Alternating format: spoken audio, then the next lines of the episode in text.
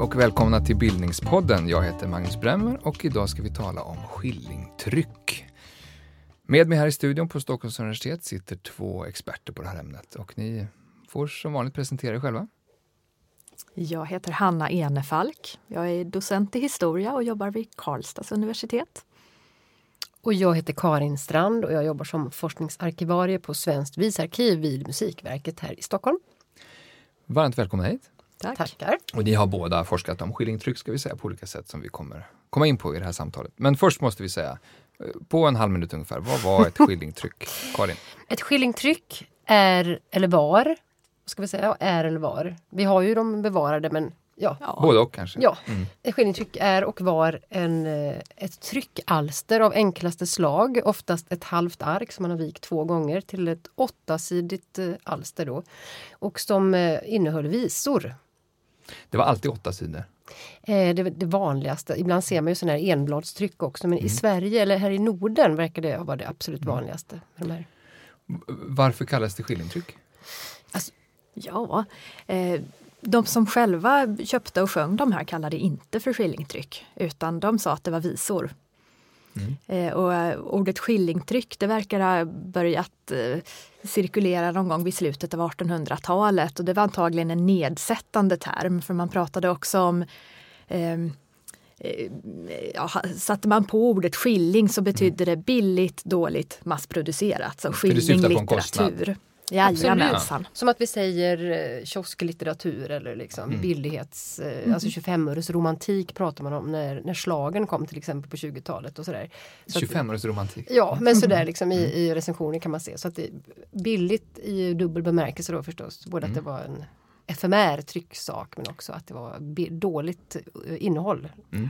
När är skillingtryckets storhetstid och ungefär vilket tidsspann pratar vi här nu historiskt? Storhetstiden är ju absolut 1800-talet. Mm. Eh, men om vi säger tryckalstrets historia. Det äldsta trycket vi har i Sverige bevarat är från 1583. Mm. Eh, men det är ju egentligen slutet på 1700-talet och framförallt 1800-talet som den här som man kan prata om det som ett massmedium på riktigt. Mm. Ja. Och det är en definitionsfråga också. För under 1800-talet börjar ju ändå skillingtrycket få lite konkurrens från tidningarna till exempel.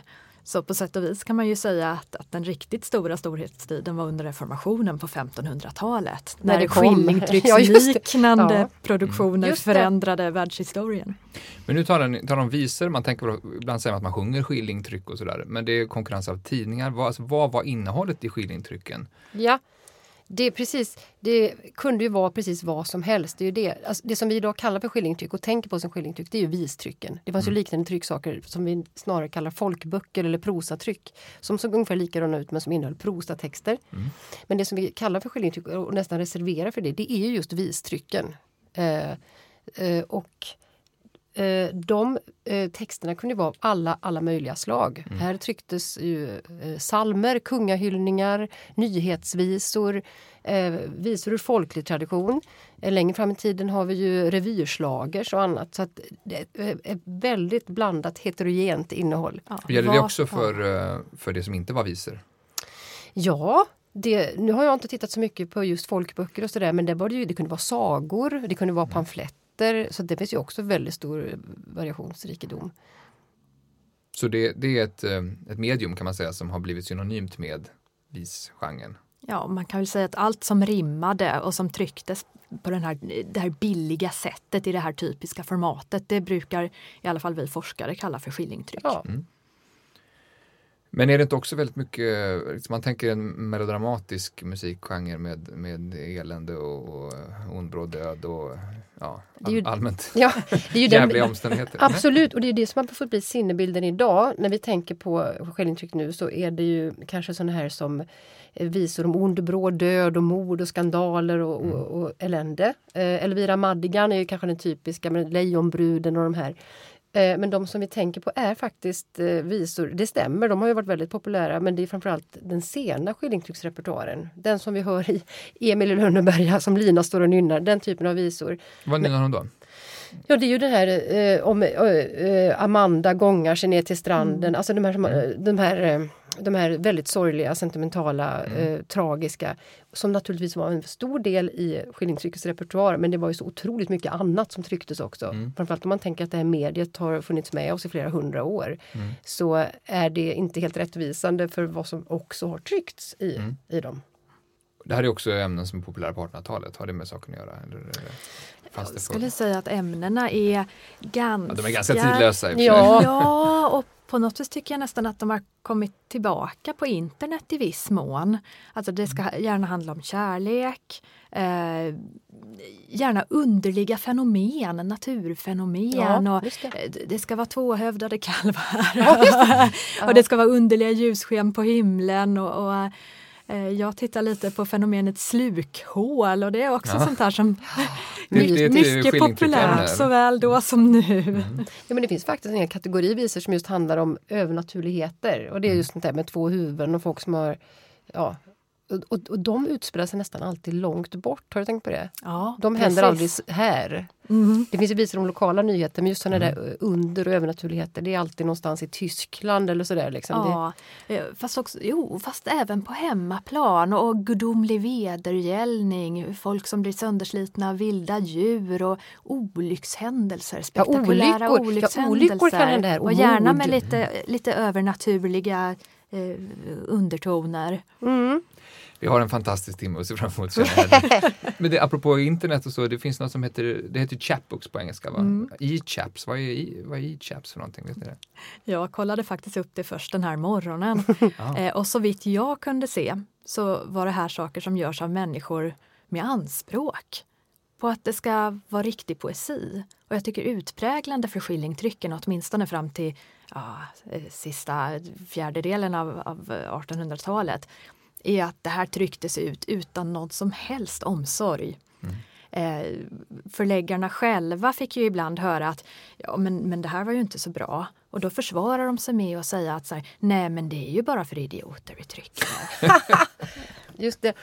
Fast man får väl ändå också säga att eh, det är väldigt många eh, poeter har ju tryckt i skillingtryck också. Eh, Ja, så att fast det finns ju, oftast utan att Absolut utan sin kännedom. Ja. Men jag bara menar alltså innehåll, apropå att det är så eh, heterogent de innehåll. väldigt blandat. Bellman, Anna Maria Lenngren, alla de här har ju tryckt i skillingtryck. Men ja, högst fast troligen utan sin. utan, Ja. utan korrekturläsning. Vi Ja, måste komma in på eh, flera av de här sakerna. Men, men alltså, hur, först och främst, hur, hur svensk är skillingtrycket som företeelse? Det är väl som med allting annat att det är extremt tydliga kopplingar framförallt till Tyskland, gärna förmedlat via Danmark. Men sen har det dessutom blivit en, en egen liksom, eh, genre i, tryckgenre i, i Sverige. Mm. Så, så väldigt tydligt, jag menar hela tryckkonsten uppfanns ju inte i Sverige och det här är ett tryckmedium som från början kom med tryckkonsten från Tyskland. Så, så är det. Eh, och som sagt, det verkar som att vi här i Norden har väldigt likt. Alltså nu pratar jag bara om själva formatet och liksom tryckalstrets utseende. Eh, det är en frustration tycker jag att det går inte riktigt att översätta när man pratar med, med till exempel den engelskspråkiga världen så, så kan man inte egentligen direkt översätta skillingtryck. Nej, det är inte Nej. riktigt chapbooks. Nej, men det som ligger närmast kanske är broadside. Men det var ju alltså ett enbladstryck som var på ena sidan bara. Liksom. Men innehållsligt, de innehöll väldigt ofta just eh, ballads, alltså eh, berättande visor. Eh, så att eh, till sin funktion var de väldigt lika skillingtryck men vi hittar ingenting som, som eh, är som exakt ihopvikt motsvarighet. sådär. Men Som då har man den här eh, obalansen mellan mediet kontra visgenren. Ja, men om vi tittar på just eh, den här vernacular, alltså den liksom den, ja, eh, de mindre privilegierade gruppernas eh, litteratur så att säga. Mm. Då är det, finns det ju absolut, då finns det ju här i väldigt många länder, åtminstone i västvärlden. Ja. Skulle man räkna upp några, ni räknar upp tidigare några kända eh, exempel, men vad, vad, liksom, vad är, vilka är klassikerna i, i try, skillingtrycksgenren? I, I visor då kan vi säga. Ja, alltså de som är kända för även icke-nördar som oss menar du? ja, men då, absolut Elvira Madigan.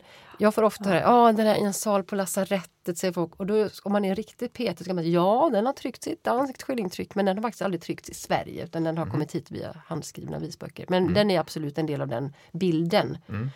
Eh, jag skulle säga Lejonbruden som sagt, Hjalmar Ja. och Hulda. Mm. Eh, Vi kan, ta och lyssna, vi kan lyssna på Elvira Madigan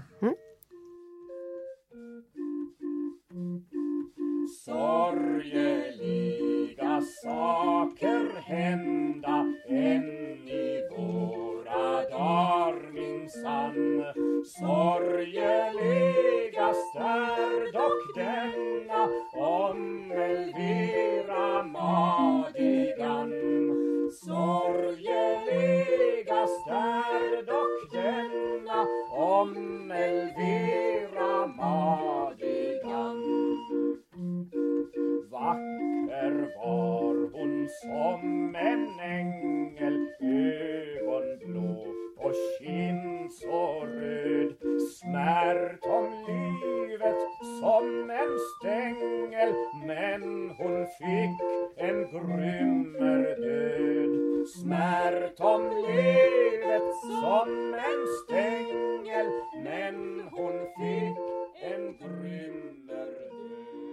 Elvira Madigan alltså, en, en, en klassiker i, i genren. Varför har just den här blivit så eh, berömd eller så klassisk?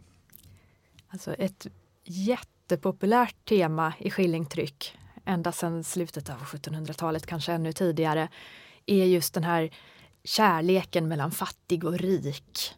Så att det är ju uppenbarligen ett, ett tema som fångade lyssnarna. Absolut. Ja, vad handlar den om förresten? Ja, Eh, ja för vad, det kan man ju säga. För att vad som också tror jag är, är, är, är lyskraften hos den här är att det ju rapporterar om en verklig skandal. Om en, en verklig tragedi, kärlekstragedi liksom. Som var då mellan Sixten Sparre och konstberiderskan Elvira Madigan som Varför var det här en skandal? det, för att Sixten Sparre som var eh, högt uppsatt och eh, välkänd, han, eh, han var ju gift. Och Han, han, var, dess- gift, Han var gift. barn och maka hade han. Jajamän, och var också svårt skuldsatt. Eh, så att, men de rymde ju iväg till Danmark, eh, de här två. Eh, men det blev ohållbart och eh, då Sixten Sparre fick... Eh, han ändade deras liv med en pistol. Mm. Så. Så det är det var här ju som Bo Widerberg gjort en film av också. Ja. nästa Mm. Med Och samma om- namn, mm. Elvira Madigan. Och om igen så har vi ju samma saker som drar läsare till kvällstidningar och som fungerar bra på internet. Ja, klickmagnet. Ja, hänt i veckan. ja, Men vad, vad placerar man skillingtrycket i den mediala historien då? Alltså den här skandalen uppmärksammades i, vilket, vilken tid var det? Vilket, det här var 1889. Mm.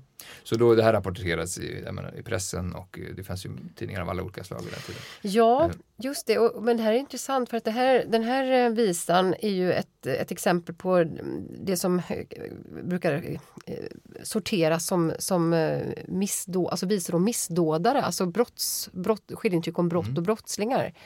Ehm, och eh, det här är ett- av de senaste, alltså de sista stora skandalerna så att säga, som, som blev en visa. Mm. Men det är också den som har på något sätt blivit sinnebilden för, för, eh, för detta.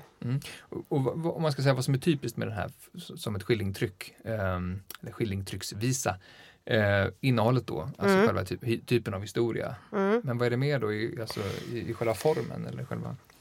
Det, eh, jag tycker att det är ett väldigt svartvitt berättande. Det finns eh, och en väldigt tydlig sensmoral.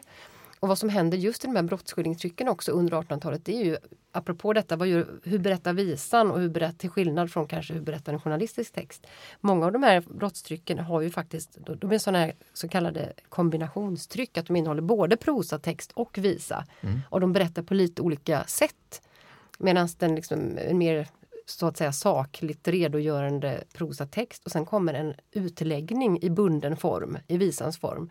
Och där brukar ju författarna, som oftast är anonyma, kosta på sig att vara ganska moraliserande. Och Och- tårdrypande. Tårdrypande, poetiska, snyftare. där broderar man ut en utläggning över detta fall. Mm. Mm. Och det viktiga är också att, att folk kunde köpa det här och sen kunde de sjunga det. Så det var ju en social aktivitet att, att köpa ett skillingtryck och sen sjunga det tillsammans. Ja just det, Och, för och framfördes det, gråta. var det alltid så, gemensamt eller var det, stod folk på stan och framförde skillingtryck? Eller? Så ett problem med att studera skillingtryck är att man vet ganska lite, om, särskilt om man tittar tillbaka från ja, före första halvan av, av 1800-talet. Ehm, Just för att eh, det var fattigt folk som köpte dem, tror vi. Mm. Eh, Det var folk i samhällets lägre skikt som sjöng. Eh, Och därmed så, och de, de skrev ju inte vad de gjorde och därför vet vi inte så noga utan vi, vi vet ganska mycket i senare i tiden när folklivsforskarna har börjat teckna ner saker och ting. Mm. Ja, det precis. Vad vi vet är att de köpte, det kan man vara säker på. Mm. Efter, och man kan också se vilka som trycktes om många gånger och det Mm. är ett tecken på att de hade förstås en, en avsättning. Precis. Och Eh, sen har man ju kunnat eh, spela in vissa och då vet man ju att då, tid, precis, då och då vet- vet man ju att det har traderats Att precis, muntligt att det och har alltså varit populärt. Så är det. Men, men vad som ytterligare komplicerar det är att vi vet ju inte ens hur många som har sjungits. Mhm. För man har ju tänkt det att, de här, att det, kallas för visor. Ja, men alla möjliga texter i bunden form kallades faktiskt för visor. Och långt ifrån alla visor har en melodiangivelse. Så att det är inte ens säkert att alla har sjungits utan de har lästs. Ja, Mm. Dikter. Mm. Ja. Och vissa verkar man ha mm, köpt som souvenirer.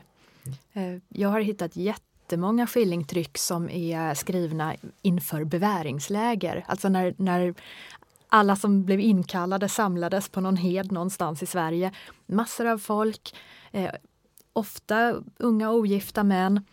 Eh, och då var det uppenbarligen massor av skillingtrycksförsäljare Ja, där.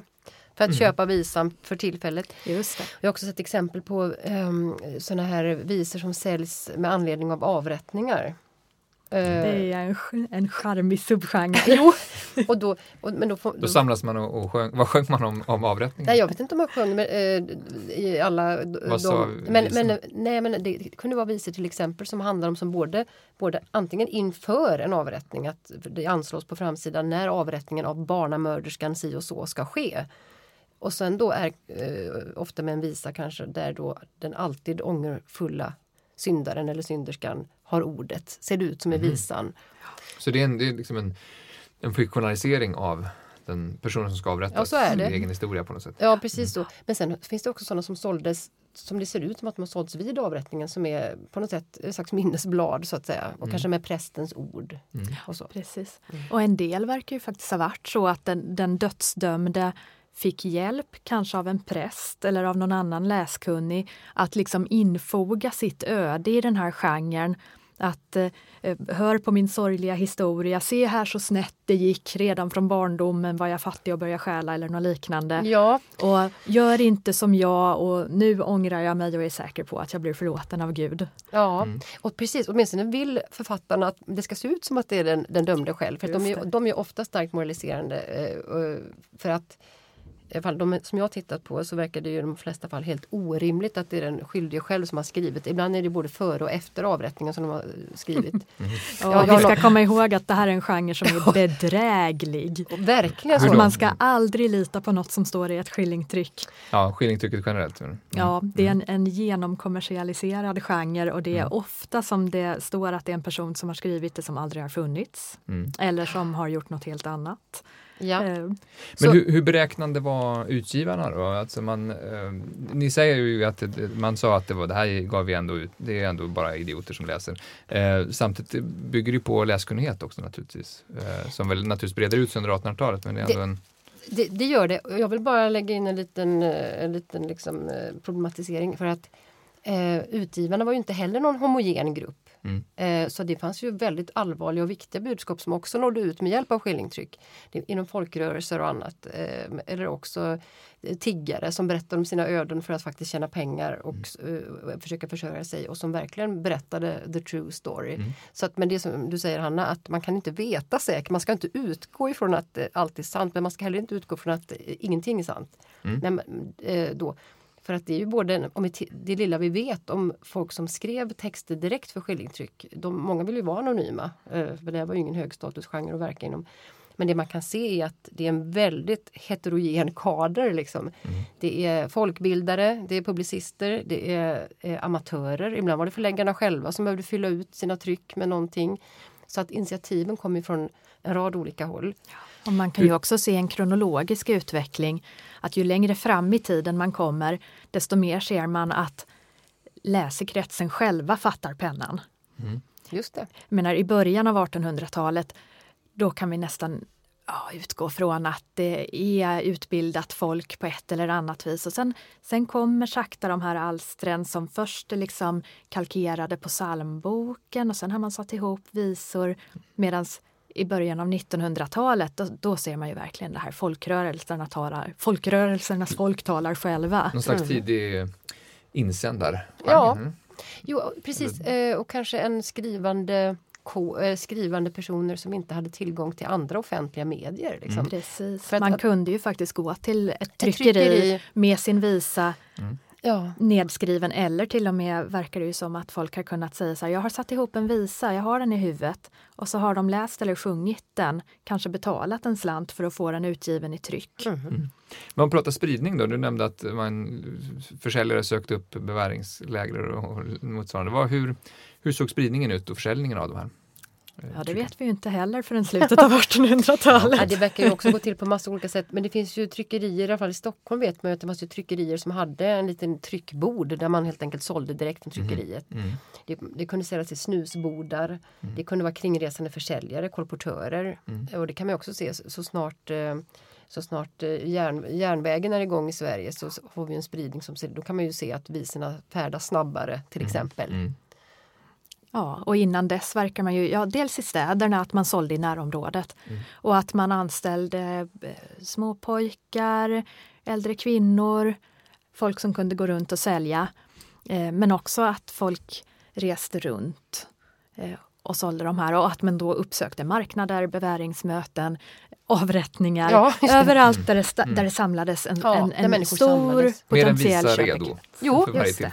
Och Jag hörde en rolig grej, det var en kollega i Norge som berättade att han hade sånt, ett, ett fall av, apropå, man undrar hur, hur snabbt fick man ut en visa om en aktuell händelse? Mm. Då hade han ett exempel om en brand i Oslo där en framsynt person eh, skrev en visa, sprang till tryckeriet och kunde sälja visan innan branden var släckt. Så att man ska inte underskatta Vi talar om att våra gårdagens... medier är snabba. Ja, men faktiskt, man får lite perspektiv på det. Innan vi fördjupar oss ännu mer, vad, eh, ska man säga något bara om alltså, hur allt började på något sätt? Vad, dels då om man tänker ballader, medeltida balladen, hur är den kopplad till Den är skillingtrycksvisor? kopplad på många sätt till skilningsvisor för att eh, många av de ballader eh, Säg något om en medeltida ballad kanske, bara förklara en medeltida ballad. Eh, ballad är ju en berättande visa eh, helt enkelt. Eh, som ursprungligen eh, avs liksom avsedd att dansa till. På Färöarna dansar man ju fortfarande balladdans till exempel och det är ju något liknande vi har här i, i, uppe i Norden. Eh, i vår del av Norden. Hur gammalt är det här fenomenet ungefär? Alltså, man säger ju den medeltida balladen och det är ju för att det här är ju berättande visor som man kan som bevisligen har rötter åtminstone tillbaka. En berättartradition och en, liksom en visform som går tillbaka till medeltiden. Ja, och hur Men- tidigt i medeltiden? Alltså, Ja, då i Sverige, var är vi någonstans då? då? Det är Ja, väl den eh, Höviska 11, 12. litteraturens tid och Ja. tidsålder, ja 11-1200-tal. Ja, någonstans. Mm. Eh, men hur, hur, hur kan vi veta någonting om de här balladerna idag? Mycket är ju för att de har levt förstås i muntlig tradition men de har också tryckts i skillingtryck. Mm. Så det har varit en väldigt viktig länk faktiskt till vår kunskap om hur balladerna har Men ne- finns det handskrifter och nedtecknat för uh, boktryckarkonsten? Inte som vi har hos oss. Inte före, men eh, parallellt. Alltså Ja. 1500-tal finns ju några Det gör det. Och berömda böcker. Ja. Handskrivna böcker. Handskrivna, precis. Mm. Och annars är det ju de här ne- nedteckningarna som insamlare på, eh, under romantiken egentligen. Alltså när man Mm. åkte runt och tog Ja, fasta på folkkulturen. 1800-tal. Ja, det. Så det är egentligen ti- olika tiders omskapade Mm. eh, litteratur som vi har. Men hur snabbt, om man tänker boktryckarkonsten mitten av 1400-talet ungefär och framåt. Vad, vad, när börjar det, när, liksom, när, när bildas skillingtrycksgenren? Så den här, den här modellen som, som gör att man alltid kan känna igen ett skillingtryck. Mm. Att det är, en, det är tryckt i den här stilen som kallas för fraktur. Eh, något tysk stil.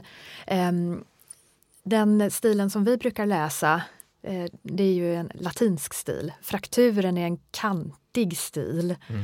Den ser gammaldags ut och man... Eh, Jag kan känna igen den, många hårdrocksgrupper exakt använder den. jag tänkte säga. Motorhead, det är fraktur. Ja. Motorhead. Eh, Att så det... många känner igen det man ser också eh, tryckt. Så att säga. Ja. Vi man- tycker den är väldigt läsa. svårläst Mm. idag men länge var den ju kopplad till folklitteraturen. Att det var ju den folk läste. Nu Mm. kanske folk tänker Nazityskland när de ser Ja, frakturen. ja. Men då var det den, den folkliga stilen. Men när man började trycka i Tyskland så trycktes ju så gott som allt i fraktur. Mm. Eh, och då tryckte man också sådär att det var en stor rubrik.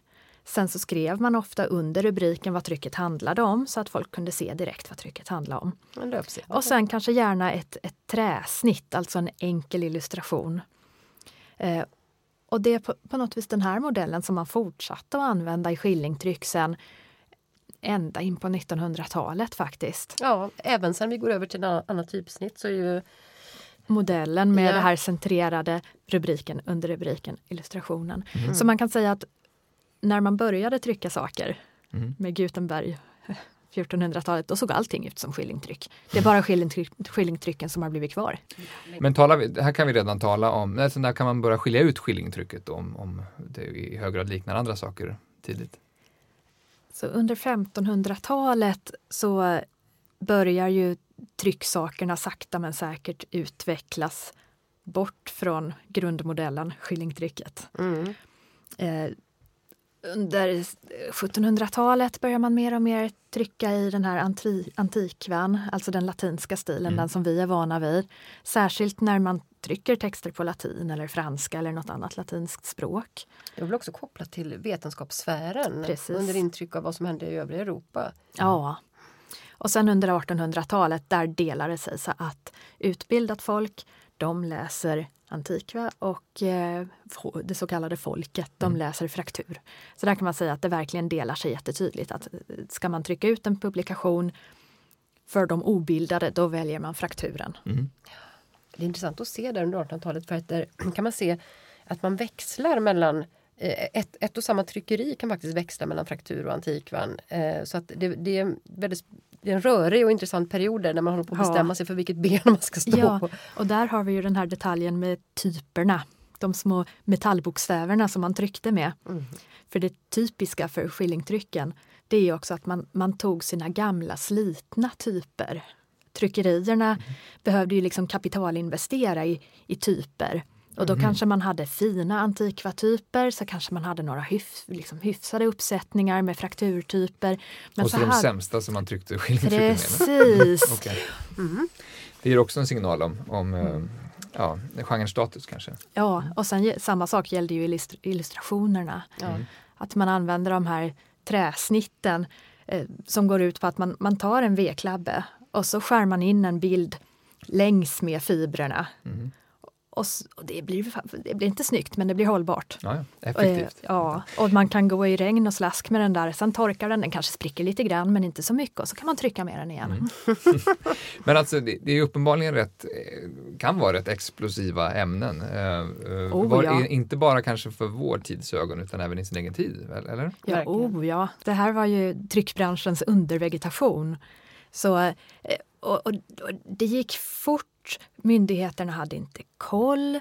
Eh, och det här att ta upp kriminalitet, eh, det hade ju en sprängkraft för å ena sidan ville myndigheterna gärna ha visor där allmänheten varnades Mm. eh, och där de fick lära sig att gör du något fel, då kommer straffet och sen ska man ångra sig för att bli salig.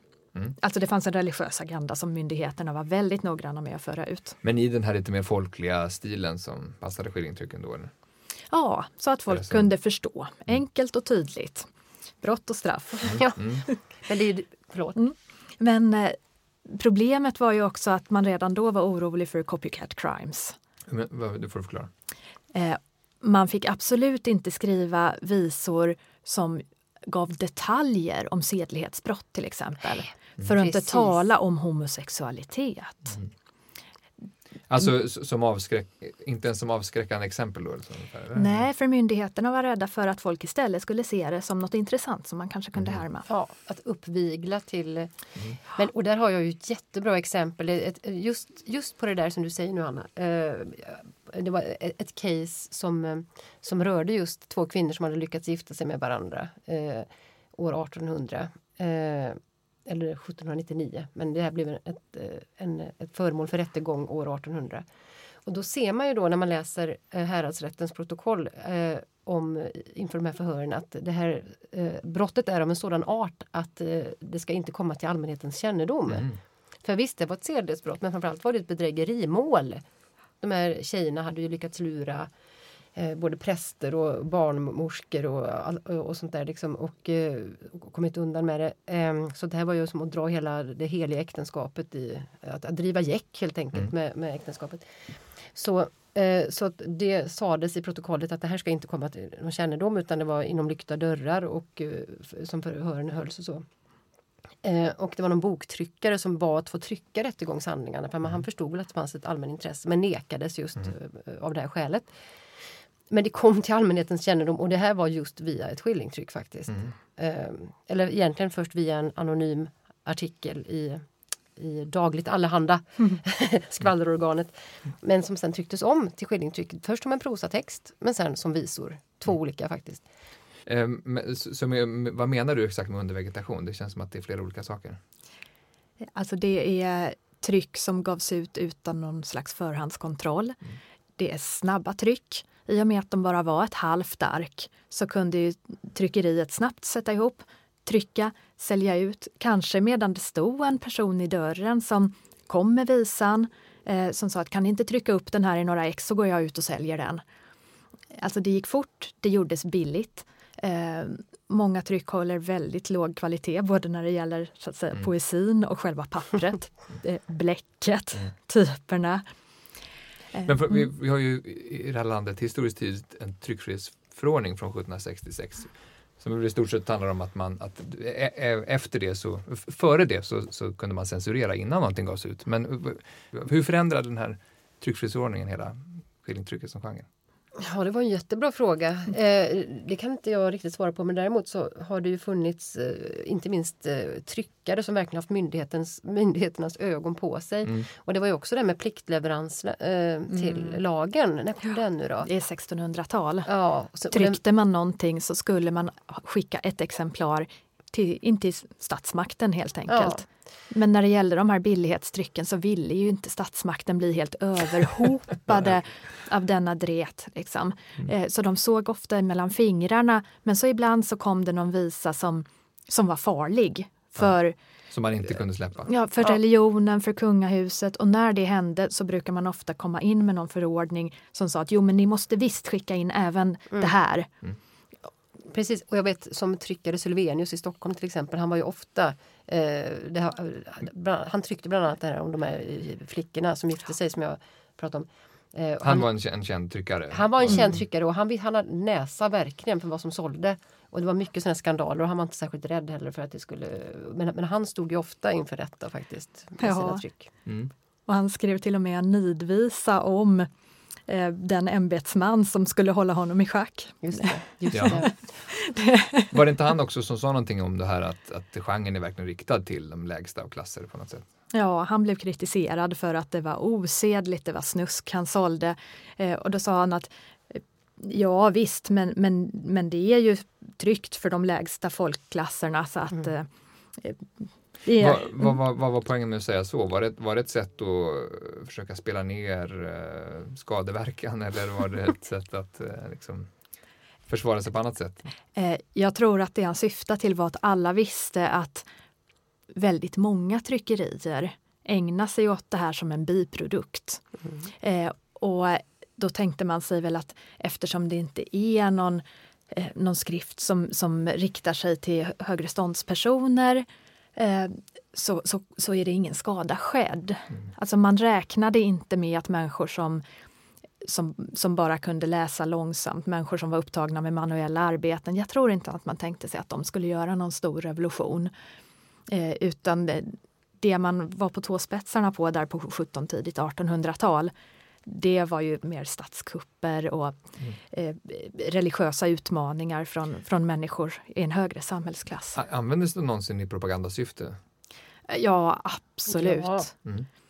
Och det finns ju också nidvisor. Mm. Eh, faktiskt, som, som driver med, och det kan man ju se ganska salta grejer, eh, alltså både om eh, polis, vad vi idag skulle kalla för polisövervåld och liksom eh, eh, ja, Eh, rika pampar som beter sig på olika sätt. Men de är förstås alltid anonyma också. Mm. De, mm. Ja, och också mot slutet av skillingtrycksperioden ja. där så att säga de lägre samhällsklasserna faktiskt har fått en utbildning så de kan skriva själva. Mm. Och driver sin egen agenda. Ja, och, det ser man inte minst i de här, det som vi på visarkivet kallar för Köp den blindes sång som är sådana här tiggarverser. Där finns det ju mycket visor av arbetslösa också. Och där, eh, där passar man ofta på att ha, det är ju rena pamfletterna faktiskt, där man mm. ibland eh, ganska hårt kritiserar sin arbetsgivare för att det, det, finns, eh, ja, som har varit försumlig på olika sätt eller när man, inte, när man har nekats ersättning för en arbetsskada och sånt där. Så att man får ändå sagt, alltså inom, inom den delen av arbetarrörelsen så har det också varit ett organ kan man säga, mm. de här visorna. Ja. Och det är ju någonting som, som du kan mycket om Karin.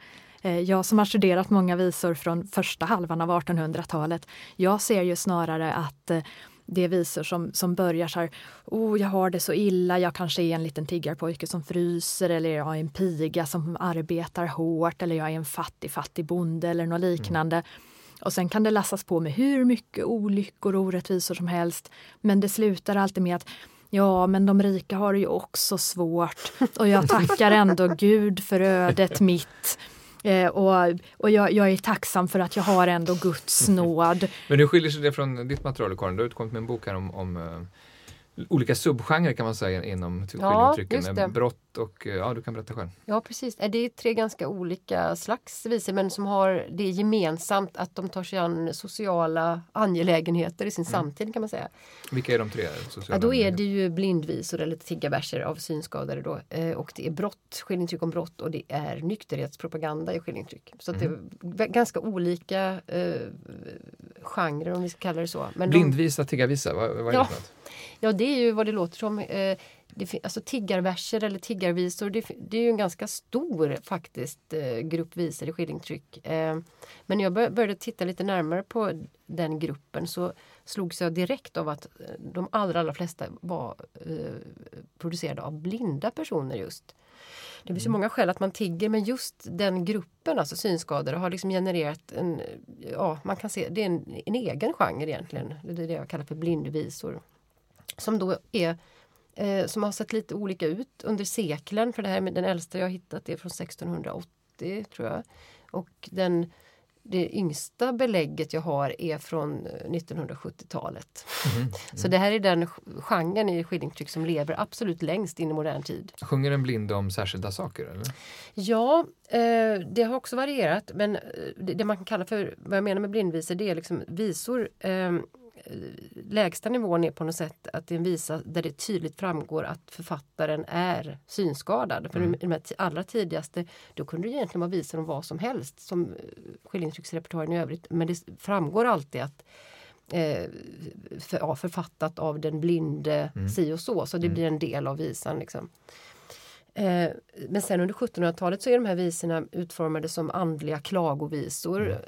Det som du sa Hanna, att man bäddar in det i en slags teologisk ram, att eh, man är prövad av Gud och sådär. va. Så det är inte så mycket eh, Då är själv- inte, då är det inte faktiskt blindhet? Eller? Jo, det Är det? Mm. Men det finns naturligtvis rent om du tänker bildspråket, det är Mm. otroligt tacksamt det här med att eh, ha de här, poe- de här poetiska Mm. dubbelexponerade bilderna liksom av eh, ja, insikt och klarhet och mörker och Mm. allt det här. Va?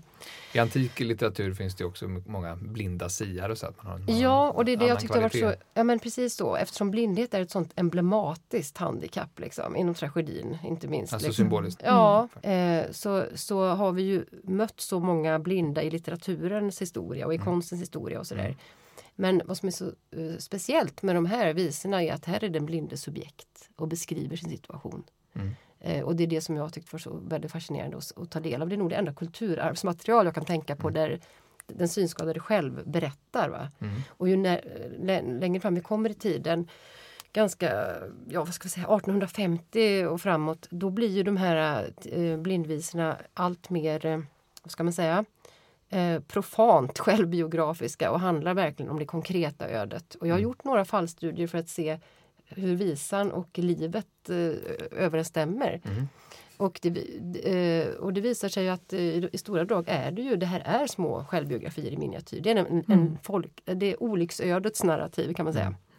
Men då, då berättar de ju från start till mål eh, i tablåer om livet. Alltså varför står jag här? Varför står jag här med min, eh, ja, med min bön helt enkelt? Och då finns det vissa moment som alltid är med. Hur, hur blir jag av med, med, med synen? Eh, eh, och förstås för att väcka eh, publikens medkänsla och så. Hur kunde nykterhetspropagandan låta då? Var det också avskräckande exempel på Eh, suputer som råkade illa ut? ja, alltså nykterhetsrörelsen hade ju egna sångböcker men vad, det är inte de visorna jag har tittat på utan de som trycktes i skillingtryck och andra liknande enkla tryck det var ju såna här berättelsesånger. Mm. Ni vet eh, Drinkarflickans död. Alltså små berättelser. Det är alltid barn som är offer för fadern, är det Mm. ofta då, faderns eh, superi. Eh, det finns ett visst persongalleri, det är alltid den lilla familjen, det är alltid de lägre klasserna. Mm. Även om superiet var utbrett i hela samhället. Men det här, i de här visorna. Finns det ett stort utbud av, av den här typen av skildtryck från nykterhetsrörelsen? Eh, det, det är inte, till antal är de inte särskilt många men de som har varit i svang har blivit otroligt folkkära. Mm. Långt utanför nykterhetsrörelsens kretsar. Både nykterhetsrörelsen och väckelserörelsen var rätt bra på PR och Jo. ny teknik. Och så. Definitivt. Jo men precis och jag tror att de här berättelsesäsongerna eh, de var ju till skillnad från nykterhetsrörelsens egna visor så riktar de här sig till en publik som inte var redan frälsta så att säga. Eller som inte redan kanske var övertygade Mm. nyktra. Och de har ett otroligt eh, effektivt sätt att berätta på. För Mm. det är det här med barn, ja, Ja, ba- det är barn som måste dö. jättesorgligt. De är riktiga snyftare. Ja. Och om igen så är det sånt här som man, man kan sjunga för varann och, och verkligen gråta tillsammans. Ja. Så att det, här, det här starka känsloinnehållet och det svartvita, det är ju typiskt, Ja. typiskt för många av visorna i skillingtryck. Absolut. Du sjunger Hanna, har, har du något exempel? Nej, faktiskt inte av någon, just någon sån. Eh, och, Om- något snyftigt? Uff, ja. Eh, Men vi ska säga också att när det gäller melodierna till de här eh, så stod det oftast, det fanns inga noter i skill- skillingtrycken. Ibland stod det att den ska sjungas som, alltså man hade någon känd melodi Mhm, och så mm. skulle man sjunga som till den melodin. Exakt Mm. så. Ja, ja. Och så eh, vissa kunde man, får man väl anta att folk eh, antingen lärde sig visan av försäljaren Mm. eller att man kanske hittade på en egen melodi. Ja, att det vid varje tid har funnits en viss uppsättning. Alltså melodierna har ju varit färre Mm. än texterna. Och texterna motsvarar vissa meter kan man säga. Så att Mm. vid vissa tidpunkter, och det är det här som är så eh, lite otippat så är det, det här ett av skälen till att- varför skillingtryck trots att de inte innehåller noter är en sån viktig musikhistorisk källa. Mm. För det visade nämligen vad folk vid olika tidpunkter har känt till som Mm. allmänna melodier. Men var det, var det aldrig noterat? Det fanns ungefär ett, kring 1840-1850 en kort kort period där eh, där eh, siffernotation för psalmodikon kunde förekomma. Det Men- här, det här måste ni reda ut. ja, Psalmodikon är ett instrument. Ja, eh, det, det var ju som så då att eh, överheten, om vi säger kyrkan, staten, skolan, eh, ville lära ut vissa melodier och framförallt psalmmelodier till, till allmänheten. Mm. Eh, men de ville ju, de kunde ju inte kosta på människor pianon och Mm. eh, fina instrument utan då, då var det en smart man som uppfann en låda med en sträng på. Mm. Eh, och med hjälp av den här lådan och en stråke eh, så hade man då ett primitivt instrument och så kunde man sätta siffror på så att säga greppbrädan på det här instrumentet. Eh, och så uppfann man en siffernotation som, som gör det möjligt då att i siffror notera en enkel melodi. Och på så vis så hade man ett skriftligt medium att sprida melodier på eh, och samtidigt behövde man inte lära allmogen noter. Mm. Eller lära dem något instrument. Och en sån där 1800-talsfigur som eh, positivhalaren, alltså som står och vevar på ett positiv som är någon slags speldosa, eller vad ska man kalla det? mm. Eh, var det är också något som förekom i, det, det bygger ju också på att det är, en, Att det är eh, vissa be- gi- vissa givna melodier. Ja. ja precis och då det ser man ju när man kan se avbildningar av marknadssånger och sånt där så är det ju ofta en positiv man står och vevar och eh, i samband med det tänkte jag också, det har ju inte varit jättestort i Sverige men jag tänker på det här med, med bänkelsång. Just. Att faktiskt illustrera visor med hjälp av eh, en stor tavla. Har du, Mhm. då ni har sett eh, Det, nej. Det förekom under några decennier i slutet på 1800-talet. Det, det kom ju ut, ut, utifrån så att Ja, säga. I Tyskland tror jag Tyskland de var det- hade det där Det var ganska bra stort. länge. Jag tror Ja. den sista bänkelsångaren fortfarande var igång på Ja. marknader vid typ 60-70-talet. Precis. Så, d- och här, men här fanns det ändå, jag vet att det finns eh, bilder från Djurgården i Stockholm och Ja, sådär. där- när det, där kom någon resande bänkelsångare. En precis. stor affisch och så en, Så en man- pekpinne så pekar han på scen efter scen på Ja, den det är här som en affischen. musikvideo faktiskt. Samma idé, Mm. att visualisera sången. Det var där det började kanske med Ja, musikvideon. ja. vet. Eh, Du Hanna, har, eh, undertiteln på din bok säger den eh, 1800-talets försvunna massmedium. Ja. Eh, eh, när försvann det? I början av 1900-talet. Alltså fortfarande 1916 var en ganska stor årgång om jag inte minns fel. Eh, Men sen eh, går det brant ut för. Eh, Och då har man ju ändå tryckt de här visorna sedan 1500-talet. Mm. Men där så konkurreras de till slut ut då, Av? av tidningar, men de har ändå funnits ett bra tag.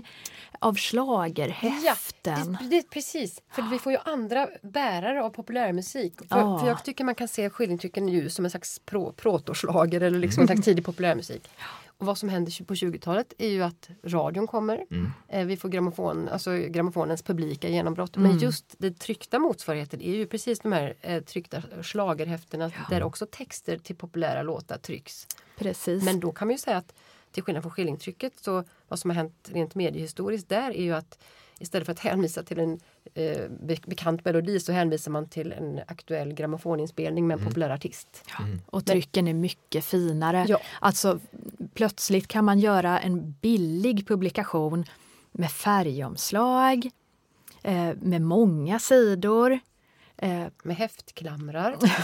Och här är på sätt och vis begynnelsen till den moderna populärkulturen som inte Ja, men är det- bara en lågkultur, ja, den Jo, nej, lågkulturell men men inte... schlagerns guldålder är ju den mellankrigstiden och det är Mm. precis sådana här produkter blir möjliga att framställa till den breda publiken. Mm. ja, och köpkraften ökar ju också i samhället. För skillingtrycket är ju, det är egentligen märkligt att man kunde göra det så länge som man gjorde det. Mm. Och, och jag tror att skillingtrycket i slutet av 1800-talet, att det blev så oerhört stort, berodde på en slags eftersläpning från producenternas sida. Att plötsligt hade man en stor befolkning som mot slutet av 1800-talet, början av 1900-talet ändå får allt högre löner. De kan faktiskt läsa på riktigt, inte bara liksom sånt här som liknar psalmboken utan de kan läsa nya texter ut, obehindrat.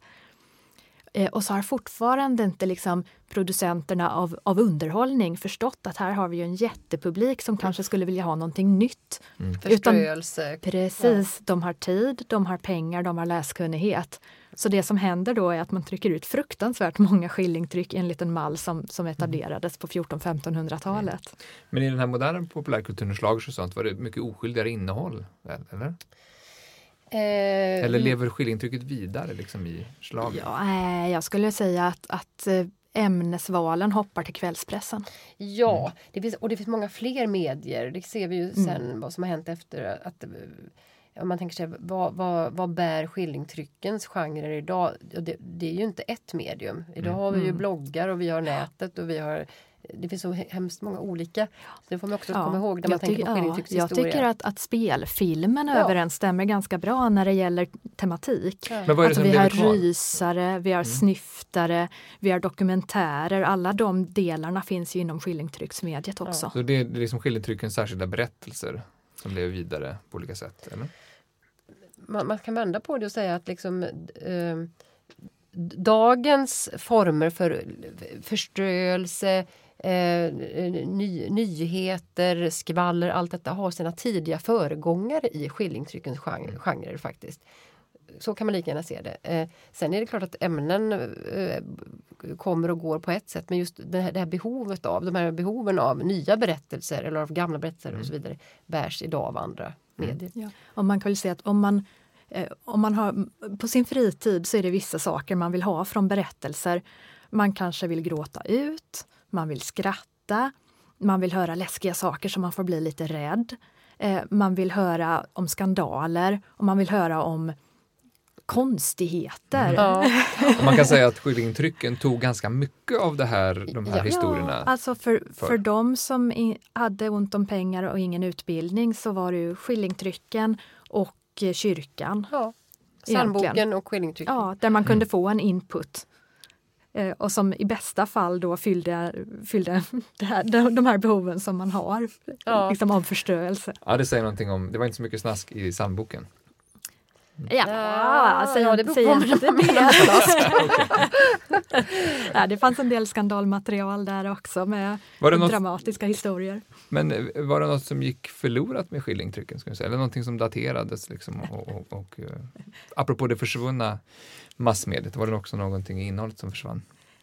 Alltså jag tycker själva trycktypen, mediet skillingtryck, eh, ska vi bara, bara vara glada att vi blev av med. Nej, Ja, vad det tycker du? jag. Ja. Däremot tycker jag att det, det är sorgligt att folk inte sjunger tillsammans. Säger jag som tycker om att sjunga. Mm. Fast det gör man ju, allsång. Har, Ja, jag sjunger i kör. Ja, ja. Men eh, åtminstone det tidiga 1800-talets sedelärande skillingtryck i dålig kvalitet. Alltså, Mm. Vad säger du den? Ja, jag, jag säger så här, men nu pratar jag utifrån forskarens perspektiv, att eh, jag tycker att skillingtryck är ganska svårslaget som källmaterial faktiskt, Mm. på, på så många olika sätt. Eh, för att, Det har allt, eller? Ja, det ska man inte säga, men, men eh, ja, det har väldigt mycket. Men eh, om man bara bär i huvudet att, det här, att de var väldigt, väldigt i sin samtid så är de ju ut, fantastiska nyckelhål till olika tider och stämningar. Även om det är väldigt svårt att bestämma, äh, säga generellt, vems röst talar här egentligen, det som vi varit inne på. Men äh, att till exempel när det gäller skildringtryck om, om nyheter och brott och så, så även om det kan vara fiktionaliserat, men som utgångspunkt Eh, det här med datum och plats, allt sånt där står ofta utsatt. Så att det är ett mm. fantastiskt sätt att börja gräva i någonting. Och, och ja, som, en samtidsspegel verkligen? Också, ja, på, men inte på, ett, inte på ett enkelt sätt. Men att mm. det just att de står i dialog på ett mm. intressant sätt med sin samtid. I någon slags eh, eh i någon slags spänningsfält mellan populism, mellan liksom mänskliga behov av faktiskt ver verkligheten som den var då, angelägenheter. Så. Och, och, jag tycker att eh, till exempel när jag har undersökt visor om brott då, att eh, faktiskt gå till botten med, ta reda på så mycket som möjligt om brottet och vittnesmålen där och se vad av allt detta blev en visa och med vilken sensmoral. Mm. För att lära man sig någonting om den här växlingskursen. Hur mm. tilltalar man en bred publik? Vad utgår ur berättelsen? Mm. Vad förstärks? För att förstå lite grann av den här medialogiken. Mm. Känner du igen medlogiken från idag? I... Ja, det, det, gör jag. Och vad som är mest, som är mest suggestivt nästan, det är ju att jobbar man på det sättet så det är ju det enda sättet att få tag på de röster som inte hörs i skillingtrycket. För det tycker jag också är ganska talande. Vems perspektiv får vi inte ta del av i de här folktrycken? Mm. Och när det gäller just brottslingarna så är det ju eh, så har ju i allmänhet inte de eh, de, de skyldiga själva någon talan i de här trycken utan det finns en, en moral som är klar. Mm. Eh, och, det, och, där, eh, och, där, i de här eh, skeendena och brotten så tycker jag vi kan väldigt mycket se vår egen tid och det gäller ju faktiskt även, jag tänker på det när man, varje gång man passerar en tiggare på gatan nu, någonting som vi här i, i samhällsdebatten ibland låter som att det är ett helt nytt inslag. Mm. Att ja, nu är det EU-migranter som sitter med, med pappmuggar i våra gator men för hundra år sedan så var det våra högst inhemska sinnesberövade som stod där. Mm. Men med en visa istället. Och det finns så mycket paralleller och jag tycker att skildringstrycken påminner oss om det. Att vi har inte rest så hemskt långt från vår egen historia faktiskt. Ja, och det som intresserar en publik verkar vara ganska likartat också. Eh, jag spårar några sådana här saker från då de, de, de missbildade djuren till de underliga naturfenomenen. Ehm, det finns lite freakshow över vissa skildringstryck också. Mycket mycket, väldigt mm. mycket. Eh, och, och, de här bitarna de var liksom med trycken från, från 1500-talet och framåt. Eh, och börjar man googla runt så hittar man de här historierna återberättade i vår samtid ja. ganska exakt. Ja. Eh, och också ja. tolkningen att det här är ett tecken på, från Gud på att vi lever i, i de yttersta, sista dagarna. Yttersta tiden. Mm. Ja. så att egentligen alla de här historierna finns kvar och de cirkulerar inte minst på nätet. Hur mycket finns kvar av själva trycken då? Eh, Menar du bevarade mm. i, i samlingar och så? Ja. Eh, alltså Sverige har ju väldigt mycket jämfört med de flesta ja, andra länder faktiskt. Vi har mycket och vad, ska, vad kan man tänka sig? Eh, att, så här är det väl att det är bara de större biblioteken som har någon koll alls på antal. Det är ju Kungliga biblioteket och Uppsala universitetsbibliotek och ja. i övrigt så vet vi att det finns små samlingar här och där. Men vad ska vi, ska vi gissa? 50 000 kanske i Sverige? Något sånt. Ja. Något sånt. Och, det är, och det är som sagt mycket internationell ja, jämförelse. Det. Men det är ändå bara en bråkdel av vad som fanns. Ja, de måste ha försvunnit, alltså de var av dålig kvalitet, de gick, de gick lätt mm. sönder. Om man vill eh, orientera sig mer efter att lyssna på det här, man kan läsa era två böcker som står på hemsidan. Eh, ja. Vad kan man mer uppleva? Man kan besöka, man kan besöka samlingar då, i bibliotek? Ja, det kan man göra. Man kan komma till Svenskt visarkiv och mm. eh, ta del av det vi har och det vi har i kopior också. Vi har mycket mm. kopior på skillingtryck. Och så kan man lyssna. Mm på, på, det finns ju en hel del inspelningar ändå. Men jag kan ju tipsa till exempel om vår utgåva som heter Blod, lik och tårar, passande nog. Finns på Spotify. Finns på Spotify. Mm. Mm. Om man vill lyssna på några exempel. Ja. Eh. Annars är det ju så att de här trycken är ofta undanstoppade. Så att eh, man kan alltid fråga på vinst och förlust på stadsbiblioteket eller var som helst. Det är aldrig så att ni har någon samling av skillingtryck någonstans. Mm. Och då kan det ligga några i något hörn. Mm. Mm. Det kan bli en ny folkrörelse, vi skickar ut det här. Ja. Eh, tusen tack Hanna Falk och Karin Strand för att ni ville vara med i Bildningspodden. Tack. och prata skillingtryck. Eh, tack också ni som har lyssnat. Gå in på bildningspodden.se och lyssna på tidigare avsnitt. Eh, ni kan mejla oss på bildningspodden su.se och önska ämnen och andra saker. Skriver ni bara nyhetsbrev i titeln så får ni vårt nyhetsbrev också med mer info om det mesta. Tack och hej! Du har lyssnat på Bildningspodden, en podcast från humanistiska fakulteten vid Stockholms universitet, producerad av Magnus Bremmer och Claes Ekman. Podden spelas in på Språkstudion och tekniker är Kristin Eriksdotter Nordgren.